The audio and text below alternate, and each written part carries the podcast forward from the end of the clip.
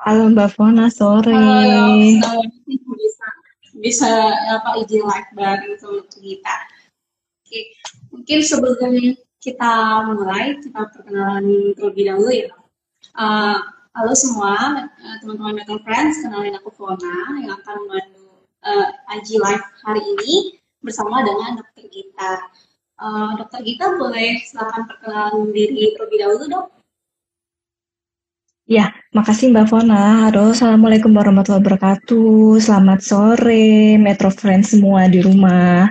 Barangkali ada yang masih di perjalanan atau sudah di rumah menyiapkan berbuka. Selamat sore, selamat menjalankan ibadah puasa bagi yang menjalankan. Perkenalkan saya Dr. Gita Nurul, saya dokter kandungan subbagian uroginekologi rekonstruksi estetik di Rumah Sakit MMC Jakarta. Salam kenal semuanya.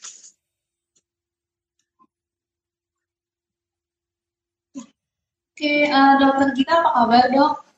Baik-baik dok? Ya, alhamdulillah baik. Gimana Mbak Fona? Iya, alhamdulillah juga baik dok. Nah, ini sembari kita menunggu buka puasa ya dok. Uh, jadi kita mau uh, ngobrol-ngobrol santai aja nih tentang topik yang benar-benar menarik banget. Karena ternyata uh, topik ini tuh banyak yang uh, banyak masyarakat yang alami dan uh, dan mereka pun kurang kurang aware gitu kalau ternyata hal ini perlu yang perlu namanya pengobatan. Nah, seperti yang kita tahu ya dok, um, sebentar lagi nih udah mau lebaran 10 hari lagi. Nah, aku tuh banyak banyak dengar cerita sama baca-baca juga. Ternyata orang-orang yang pada sholat terawih itu banyak yang kadang suka bakal ya karena uh, tiba-tiba mengompol seperti itu jadi mereka harus harus apa ambil wudhu lagi dan itu benar-benar sangat mengganggu. Nah, pertanyaannya dok kalau tentang mengumpul seperti itu, itu tuh gejala dari penyakit lain atau itu hal yang normal ya dok? Ya Mbak Mbak Fona makasih.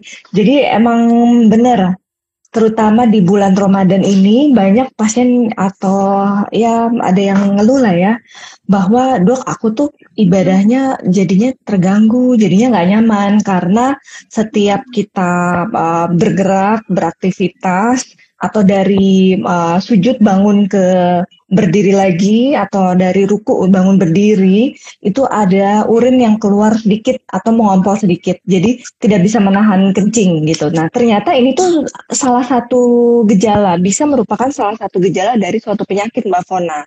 Dan uh, ternyata banyak yang mengalami cuman pertama mereka tidak tahu ini penyakit. Kedua mereka malu. Mau cerita kok aku ngompol sih gitu gitu ya. Itu orang tuh malu untuk cerita. Padahal sebenarnya itu penyakit dan bisa dibantu gitu ya, ya. jadi mungkin saya mau cerita uh, ada uh, penyakit namanya inkontinensia urin. Jadi inkontinensia urin itu secara sederhananya tidak bisa menahan kencing. Ya, yang paling sering nih pada perempuan terutama ya, pada perempuan yang paling sering adalah inkontinensia urin tipe tekanan atau stress urinary incontinence dan overactive bladder atau kantung kencingnya terlalu aktif.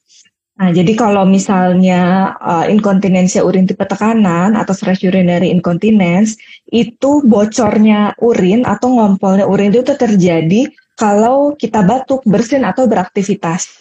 Tapi kalau misalnya kita tenang-tenang aja, tidak ada batuk, tidak ada bersin, tidak beraktivitas, itu nggak ada bocor, gitu. Karena pada saat kita batuk, pada saat kita beraktivitas atau bersin, gitu ya, itu ada peningkatan tekanan di dalam perut kita, dan secara tidak langsung menekan ke arah kantong kencing, sehingga kalau uh, kantong kencingnya jaringan penyokongnya sudah lemah, akan ada urin yang bocor keluar dari situ gitu. Ya makanya dikatakan stress urinary incontinence atau inkontinensia urin tipe tekanan. Karena terkait dengan peningkatan tekanan di dalam perut gitu.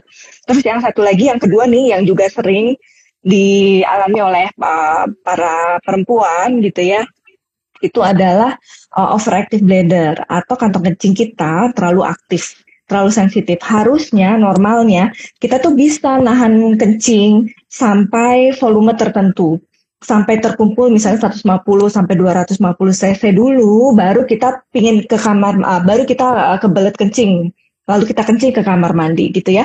Nah, pada orang-orang yang mengalami penyakit overactive bladder, itu dia baru terisi sedikit kantong kencingnya tuh udah kebelet. Jadi baru 50 cc udah kebelet kencing. Uh, akibatnya frekuensi kencing ke kamar mandinya akan lebih sering. Uh, sebentar-sebentar akan kebelet pipis gitu ya. Atau kalau uh, masyarakat sering bilang wah nih orang ini beser banget gitu ya. Itu ungkapan yang sering kita dengar. Uh, tapi sebenarnya itu bisa merupakan salah satu gejala penyakit mbak Fona gitu. Cuman mungkin uh, masyarakat banyak yang belum aware gitu. Ya. Nah, kalau misalnya kedua penyakit ini bisa kita uh, atasi, uh, harapannya bisa mengoptimalkan kualitas hidup kita, termasuk aktivitas kita sehari-hari. Uh, terutama dalam bulan Ramadan ini di 10 hari terakhir ya kita akan segera memasuki 10 hari terakhir.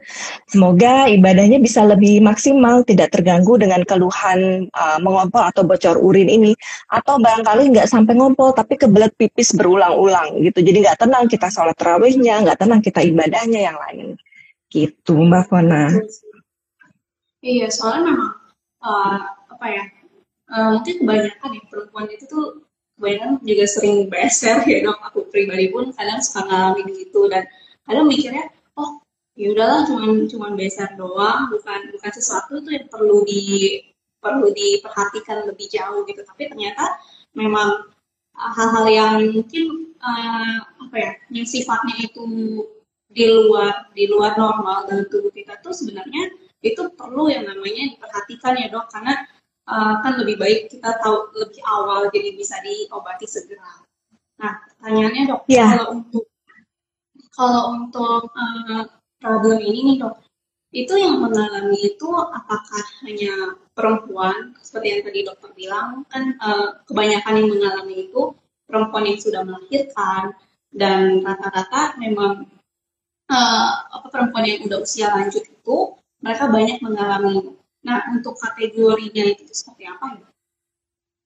Ya, mungkin sebelum aku jawab pertanyaan itu, yang tadi seperti Mbak Fona bilang ya, jadi um, sebenarnya mengalami keluhan itu tetapi tidak dihiraukan karena dianggap ah kayaknya nggak penting-penting amat begitu kan maksudnya uh, dalam arti gini penyakit yang seperti ini memang tidak mengancam nyawa artinya tidak menimbulkan kematian gitu ya kecuali misalnya nih uh, misalnya kita lari-lari ke berat pipis lalu kesandung jatuh kebentur lalu meninggal ya. Itu kan jarang banget ya.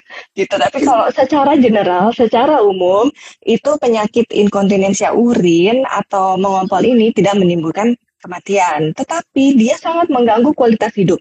Ya, jadi kita kan tahu ya Metro Friends ini uh, ya insya Allah sehat lah semua ya. Dan tentu um, Metro Friends ini adalah uh, orang-orang uh, yang aktif sehingga kita concern sekali dengan kualitas hidupnya.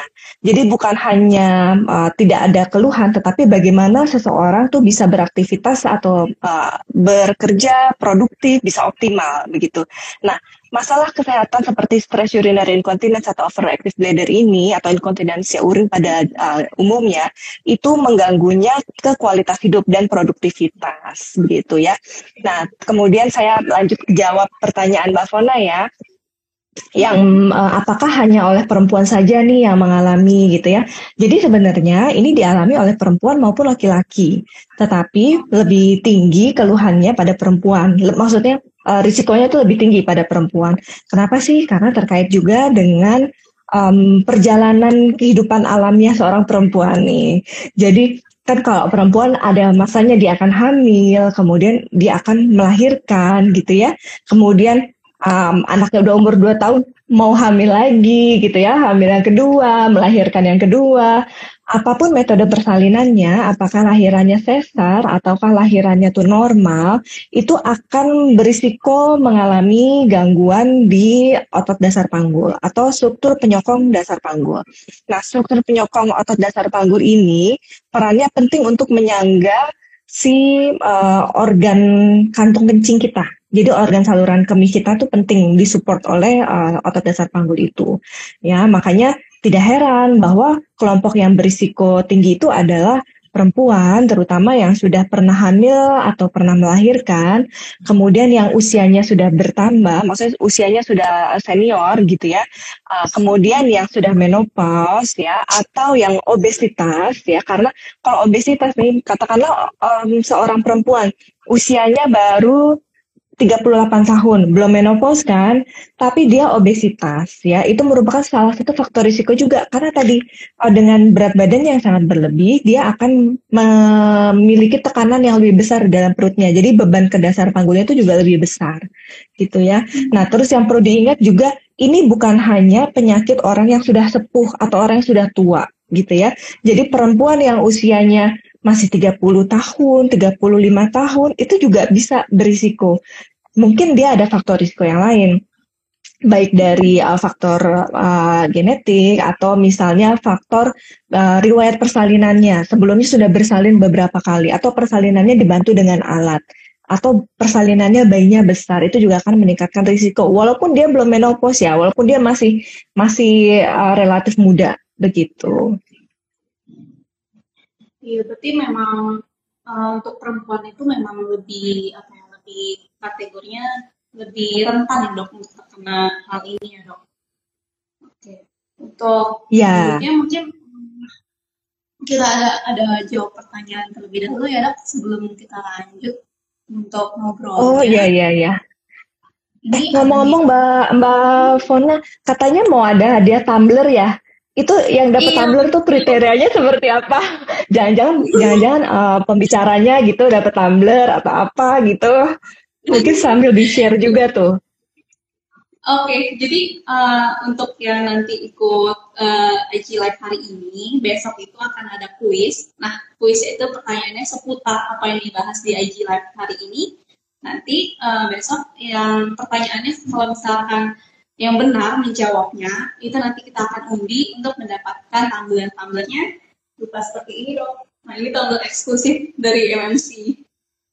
Oh keren ya, warnanya netral, kepake terus tuh. kepake terus itu. Oke oke, makasih infonya. Jadi buat iya, Metro iya, Friend di rumah ya. Iya, ini benar-benar bermanfaat banget sih buat apa buat uh, Metro Friends kalau bawa untuk air hangat atau air dingin gitu. Nah, oke. Okay. Kita jawab pertanyaan dulu ya dok. Ini ada satu nih pertanyaan dari Metro Friends. Apakah mengompol itu sifatnya keturunan?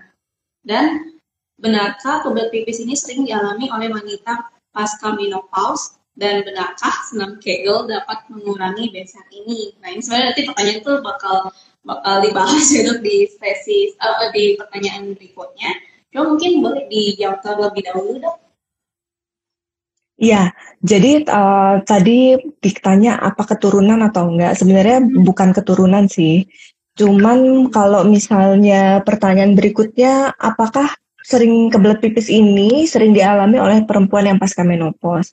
Bisa, bisa terkait dengan um, status hormon atau status menopause seseorang. Ya, tapi bukan satu-satunya faktor penentu ya. Jadi bukan berarti kalau misalnya seseorang sudah menopause pasti akan mengalami keluhan ini. Sebaliknya juga kalau seseorang belum menopause bukan berarti dia tidak akan mengalami risiko untuk penyakit ini itu juga enggak. Salah satu faktor risiko iya gitu ya. Kemudian senam kegel bisa mengurangi beser atau enggak. Nah, jadi terapinya eh, salah satu terapi beser itu kita melatih pola berkemih. Jadi pola minum dan pola berkemihnya. Nanti kita akan latih bagaimana jadwal minumnya, kemudian jadwal kencingnya. Kemudian kalau muncul rasa kebelet pipisnya itu bagaimana mengendalikannya, bagaimana menunda pergi ke kamar mandi gitu ya. Nah, pada saat dia perlu untuk melatih menunda ke kamar mandi, maka perlu fungsi otot dasar panggul yang baik supaya bisa menutup pintu saluran kencingnya. Jadi biar nggak ada yang keluar tuh urinnya. Nah, untuk bisa menutup pintu saluran kencing yang baik, yang optimal, itu dibutuhkan kekuatan otot dasar panggul yang baik. Nah, di sini Kegel bisa secara tidak langsung membantu. Jadi Kegel itu kan pada dasarnya latihan otot dasar panggul ya, atau gampangnya kalau dibilang senam, ya dia senam otot dasar panggul gitu ya. Jadi secara tidak langsung membantu gitu ya. Oke, baik dok. Nah, uh, kalau aku nih ada ada pertanyaan pribadi juga nih dok dari yang aku alamin sendiri. Aku ini kalau misalkan apa kebanyakan minum tuh itu suka beser. Nah itu tuh normal nggak sih dok atau atau ternyata itu justru gangguan gitu? Nah, jadi pertama kita perlu menilai kebutuhan cairan, kebutuhan cairan seseorang. Kalau uh, seumur uh, Mbak Fona yang masih muda begini ya kira-kira 1800 sampai 2000 cc lah sehari gitu ya. Nah, kemudian eh, kita juga perlu tahu pola minum seseorang. Nah, tadi kan dibilang kalau pas minumnya banyak lalu jadi beser. Nah, sebanyak apa sih gitu? Apa jangan-jangan jangan-jangan kita harusnya minumnya hanya 2 liter, kita minumnya 4 liter, ya tenang aja jadi pipisnya jadi sering gitu ya. Tapi eh, jangan-jangan kita harusnya minumnya 2 liter, kita minumnya uh, ya 2 liter atau 2000, 2200 cc gitu kan masih oke. Okay. Nah, berarti kalau muncul keluhan jadi sering beser itu perlu dievaluasi gitu ya. Nah untuk keluhan beser ini sendiri uh, seperti halnya berbagai keluhan kesehatan lainnya bisa merupakan gejala dari suatu penyakit ya yang sering sih penyakit overactive bladder. Tetapi bisa juga dia merupakan gejala dari penyakit yang lain. Contoh ya sebagai analogi demam. Demam kan bisa aja karena seseorang tuh flu. Bisa juga demam itu karena seseorang diare gitu ya. Jadi satu gejala itu bisa merupakan um, uh, uh, apa ya gejala dari penyakit A, penyakit B, penyakit C gitu ya. Nah, seperti halnya juga BSR ini, kita bisa merupakan gejala dari penyakit yang sering ditemui yaitu overactive bladder, tapi bisa juga gejala penyakit yang lain. Misalnya apa? Misalnya gejala infeksi saluran kencing atau gejala sakit kencing manis gitu ya. Nah, dengan kita uh, memeriksakan diri ke dokter, nanti dokter akan mengevaluasi keluhan besar yang kita alami ini arahnya ke penyakit apa apakah misalnya ke kantong kencing yang terlalu aktif atau ke uh, kencing manis atau kita tadi kebanyakan minum atau kita ada infeksi saluran kencing gitu. Jadi memang uh, perlu pemeriksaan dokter tetap gitu. Iya, karena uh, aku pun punya teman-teman juga banyak sih dok yang kayak gitu, tapi karena berpikirnya oh ini normal lah, nggak perlu di ya, perlu iya.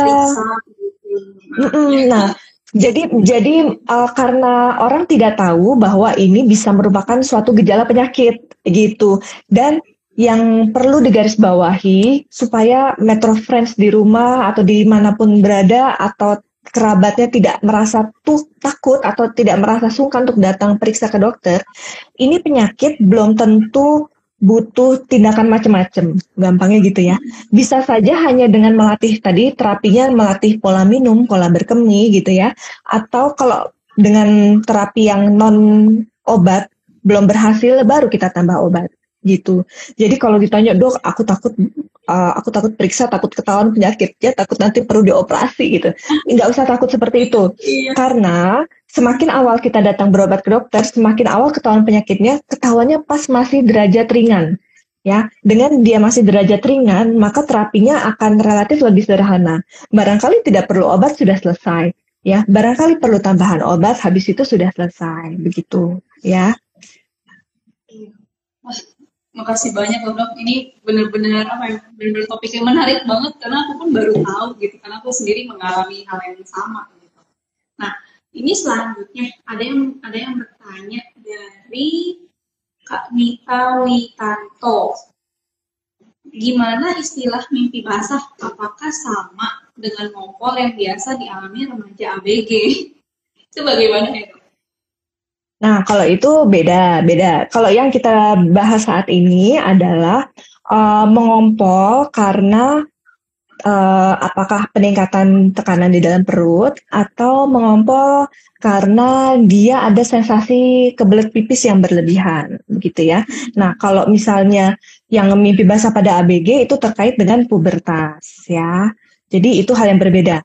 Nah, yang mungkin perlu diceritakan juga adalah penyakit overactive bladder ini atau penyakit beser itu salah satu gejala lainnya selain dia mengompol bisa juga kita nih sering terbangun malam karena kepingin pipis gitu jadi oh. tidur malam kita keganggu karena kepingin pipis. Nah, pada pada individu yang keluhannya sudah berat, itu bisa sampai terganggu sekali tidur malamnya, sampai nggak bisa tidur Mbak Fona.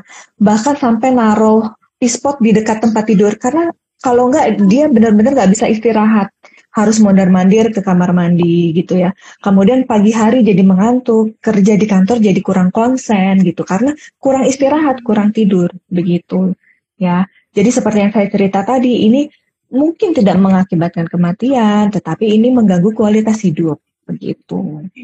Itu memang benar-benar mengganggu produktivitas ya dok jadinya. Walaupun, iya benar. Walaupun dikiranya tuh kayak ini hal yang normal tapi ternyata uh, uh, ini hal yang ternyata tidak normal. Iya. Iya. Oke.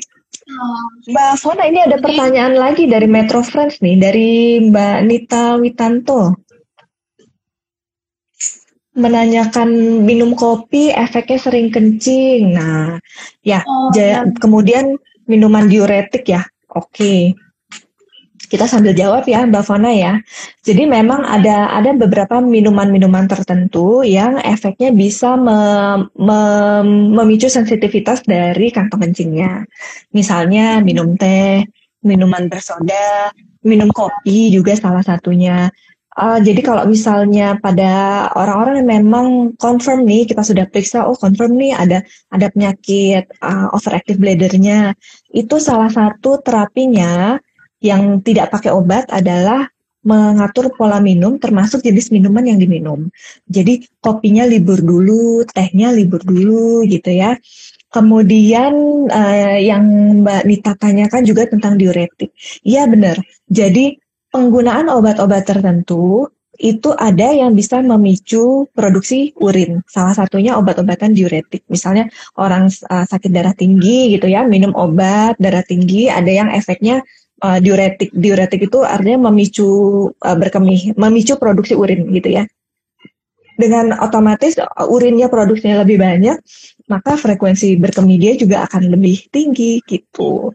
Ya, itu sebabnya tadi yang kita cerita ada berbagai kondisi medis lain yang juga perlu kita evaluasi dan kita singkirkan. Jadi kita tahu benar nih um, keluhan beser pada seseorang ini sebabnya karena apa, begitu perlu dicari tahu akar masalahnya ya dok. Ya. Oke. Untuk selanjutnya dok, pertanyaannya uh, untuk terapi yang untuk terapi pengobatan ini itu ada apa aja ya dok? Kalau misalkan ada metrofrens yang mungkin mengalami gejala yang sama dan ingin memeriksa Hmm. Jadi uh, kita secara garis besar kan yang paling sering sebabnya adalah stress urinary incontinence ya. Kemudian setelah itu baru yang freatic bladder. Nah untuk yang stress urinary incontinence it, atau inkontinensia urin tipe tekanan itu terapinya yang paling awal sederhana tetapi efektivitasnya baik itu adalah latihan otot dasar panggul atau orang sering dengar itu namanya uh, latihan Kegel ya. Kemudian uh, bila disertai dengan turun peranakan, bisa juga menggunakan cincin vagina atau pesarium yang ada penyangga untuk area saluran kencingnya. Itu ya. Kemudian kalau misalnya alternatif lainnya adalah terapi sinar laser. Jadi seperti laser untuk wajah, tapi ini lasernya khusus untuk area vagina dan area saluran kencing bawah. Nah, nanti dia akan disinari di situ. Sakit nggak dok? Enggak, ini bukan bukan operasi, ini hanya di terapi sinar saja, dikasih sinar. Habis itu pulang, hanya seperti kita konsultasi ke poliklinik biasa. Hanya prosedurnya 15 menit saja. Begitu ya, atau latihan dengan uh, kursi elektromagnet. Jadi um, metrofrens tinggal duduk, bahkan tidak perlu membuka pakaian, hanya duduk saja di atas sofa. Sofanya akan mengalirkan gelombang elektromagnet di area otot dasar panggul. Nanti akan terpicu otot dasar panggulnya untuk berkontraksi atau untuk senam, untuk uh, terlatih secara otomatis begitu ya. Nah, kalau berbagai terapi-terapi ini belum maksimal, maka alternatifnya adalah dengan pemasangan pita penyangga saluran kencing gitu ya. Nah, terus yang jenis kedua ya. yang overactive bladder. Tadi kita udah singgung sebentar bahwa terapinya bisa yang tanpa obat, yaitu mengatur pola minum dan mengatur pola berkemih.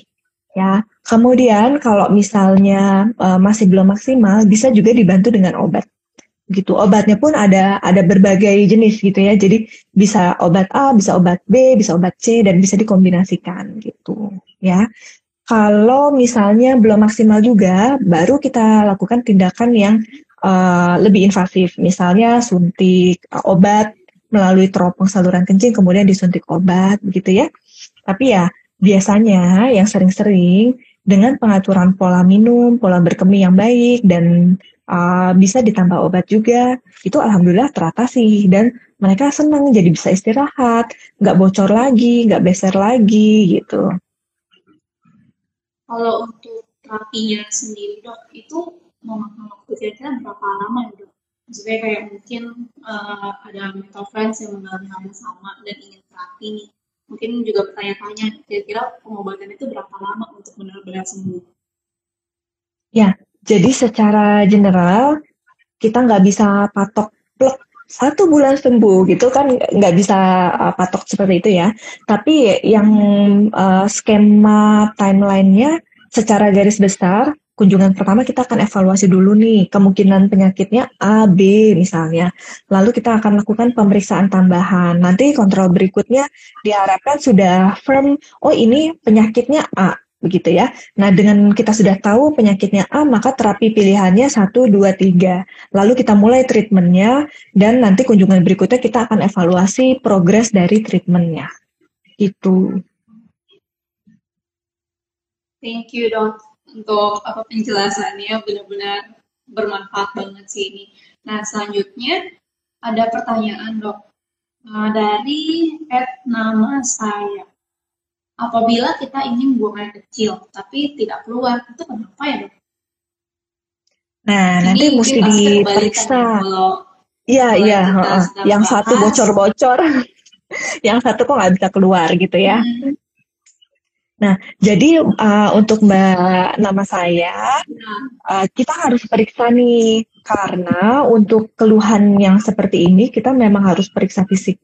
Jadi artinya gini, kita mesti lihat nih, ada struktur apa sih yang ada masalah tidak di struktur uh, saluran kencingnya, atau uh, masalahnya di struktur sekitar saluran kencing sehingga menghalangi uh, aliran kencingnya, gitu. Hmm. Kenapa kok sensasi ingin berkemihnya ada, tetapi kok nggak keluar? Atau mungkin keluarnya hanya sedikit-sedikit gitu ya, keluarnya mungkin nggak lancar ya.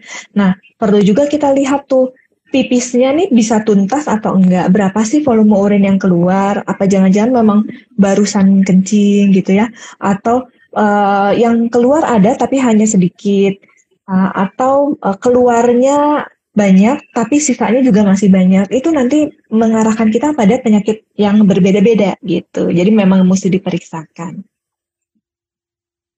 Uh, uh, aku mau tanya juga nih dok kalau misalkan dalam satu hari itu frekuensi kita buang air kecil normal itu tuh uh, berapa kali ya dok? Karena biar maksudnya uh, kita uh, teman-teman Friends juga bisa uh, bisa melihat nih kan, bisa ngecek ya. Mungkin dia bisa ngecek kalau misalkan ternyata oh dalam satu hari ini ternyata udah lebih nih dari dari normalnya normal, normal frekuensinya gitu. Ya, kira-kiranya kita bisa menahan kencing itu sekitar 3-4 jam. Jadi secara general ya sekitar 7 jam, eh 7 jam lagi, 7 kali sehari untuk berkemih. Itu total ya, dari kita bangun tidur pagi sampai kita uh, 24 jam gitu ya. Kalau misalkan kasus ini dok, um, teman-teman Metro Friends mungkin udah ada yang mengalami mengalami nih untuk yang over apa over bladder ini. Overactive bladder nah, ya, overactive bladdernya ini. Nah untuk mensiasatinya dok eh, ketika sholat terawih atau mereka melakukan aktivitas supaya tidak mengganggu itu seperti apa ya dok? Karena kan mungkin uh, mereka uh, terutama metro, metro friends baru tahu nih hari ini nah untuk mensiasatinya ke depan itu seperti apa ya supaya tidak mengganggu aktivitas iya iya jadi memang yang utama dicatat adalah ini kan mungkin gejala penyakit ya. Jadi ini adalah suatu alarm buat diri kita buat periksa ke dokter. Kenapa? Karena semakin cepat ketahuan masalah kesehatannya apa, treatmentnya lebih awal, kesembuhannya juga lebih bagus gitu ya. Tapi misalnya nih, misalnya Metro Friends belum sempat atau masih menunggu jadwal untuk uh, datang periksa, bisa misalnya sebelum uh, tarawih pipis dulu ke kamar mandi, begitu ya. Jadi mengosongkan dulu kantong kencingnya. Tapi tetap ini bukan solusi jangka panjang yang menyembuhkan penyakit gitu. Jadi ini hanya sementara saja. Tetap nanti Metro Friends perlu untuk periksa ke dokter gitu. Nah mungkin untuk Metro Friends yang ingin periksa dan konsultasi nih dengan dokter Gita, untuk kita uh, prakteknya itu di hari apa aja dok? Boleh tolong di-share? Ya, kasih. Jadi uh, saya prakteknya uh, di hari Kamis dan hari Sabtu. Ya, insya Allah mulai di bulan Mei ya, bulan Mei pertengahan. Gitu. Jadi hari Kamis itu sore, hari Sabtu itu siang. Gitu. Oke dokter, uh, mungkin untuk uh, pertanyaan lagi, coba kita lihat lagi ya dok. Soalnya ini benar-benar topik yang banyak sering ditanyakan juga sih dok.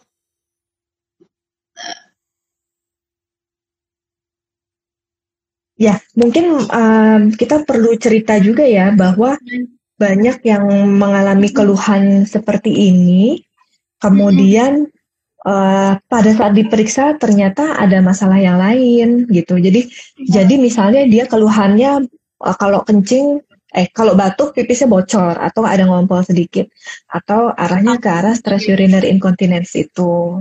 Ya, tapi setelah kita periksa ternyata dia ada turun peranakan juga Nah, oh. jadi kita bisa treatment sekaligus gitu. Kita memang apa, bersangkutan dengan hal-hal lain juga ya dok untuk kasus ini. Nah, ini ada satu pertanyaan yeah. lagi dok. Uh, ini tuh bisa sembuh nggak ya dok? Terus kalau misalkan yang mengalaminya itu anak perempuan usia 7 tahun, karena besernya bisa siang atau malam dan sedang tidur. Nah itu bisa bagaimana ya dok?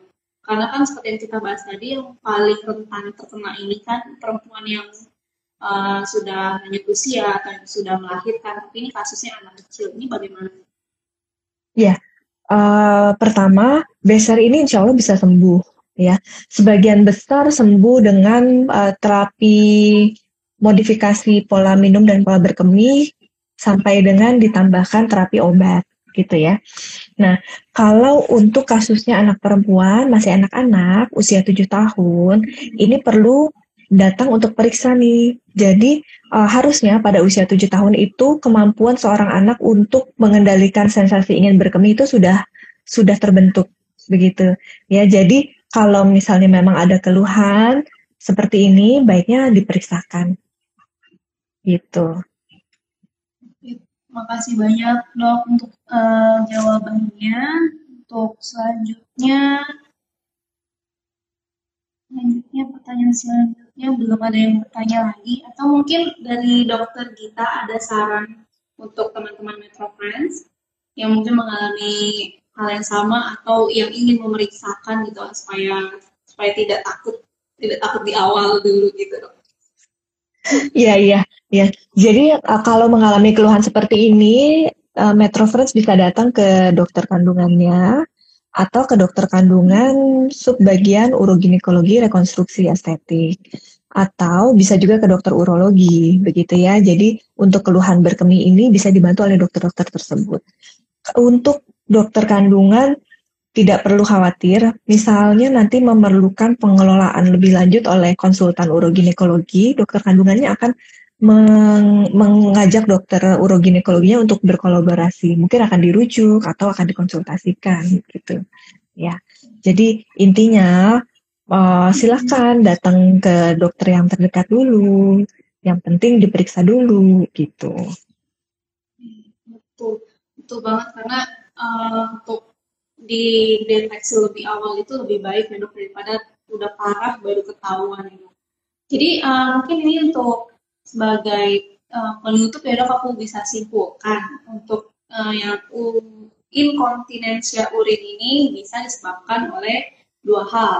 Yang pertama itu karena ada stress urinary incontinence karena aktivitas fisik dan yang kedua karena overactive bladder ya dok. Ya, jadi itu yang dua penyebab yang paling banyak. Tapi penyebab yang lain juga ada ya. Dua yang paling banyak itu. Penyebab yang lain apa? Misalnya uh, dia ada jalur yang tidak normal antara kantung kencing dengan vagina. Itu membuat dia bocor terus menerus atau dia tidak mampu mengosongkan kantung kencingnya secara maksimal.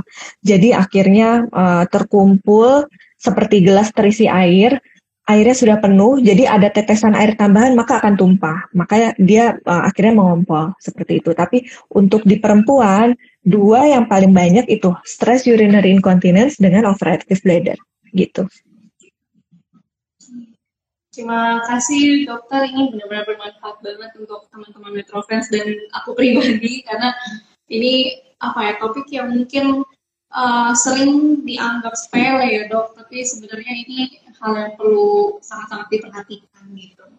Oke dokter Gita, terima kasih untuk waktunya dan uh, terima kasih juga untuk teman-teman Metro Friends yang sudah menyaksikan. Untuk saat ini live-nya itu ada di lantai 7 Rumah Sakit MMC dan untuk teman-teman Metro Friends yang ingin konsultasi dengan dokter Gita bisa langsung datang ke MMC di Poli lantai 7. Ya, terima kasih banyak dokter Gita untuk waktunya dan ilmunya yang benar-benar bermanfaat banget. Dan untuk teman-teman Metro Friends yang sudah menyimak dengan sangat baik, besok kita akan ada kuis dan jangan lupa untuk ikutin kuisnya untuk mendapatkan tampil eksklusif dari MMC. Terima kasih dokter Gita untuk waktunya. Selamat sore dokter. Sore Mbak Fona, makasih banyak juga Mbak Fona dan Metro Friends semua. Semoga dapat tumbler besok ya. nanti. Nanti kita kirim untuk spesial untuk kita. Waduh, wah, makasih ya. Asik bisa buat bawa teh manis hangat untuk persiapan berbuka di luar rumah gitu kan. Kalau di perjalanan. Oke, kasih dokter Gita untuk waktunya. Senang banget bisa diskusi dengan dokter Gita. Sampai jumpa di lain kali ya dok. Semoga nanti next kita bisa IG live bareng lagi dok. Siap, siap. Makasih banyak Mbak Fona. Terima kasih banyak dokter. Selamat sore. Ya, selamat berbuka buat Metro Friends ya. Wassalamualaikum warahmatullahi wabarakatuh. Ya, assalamualaikum.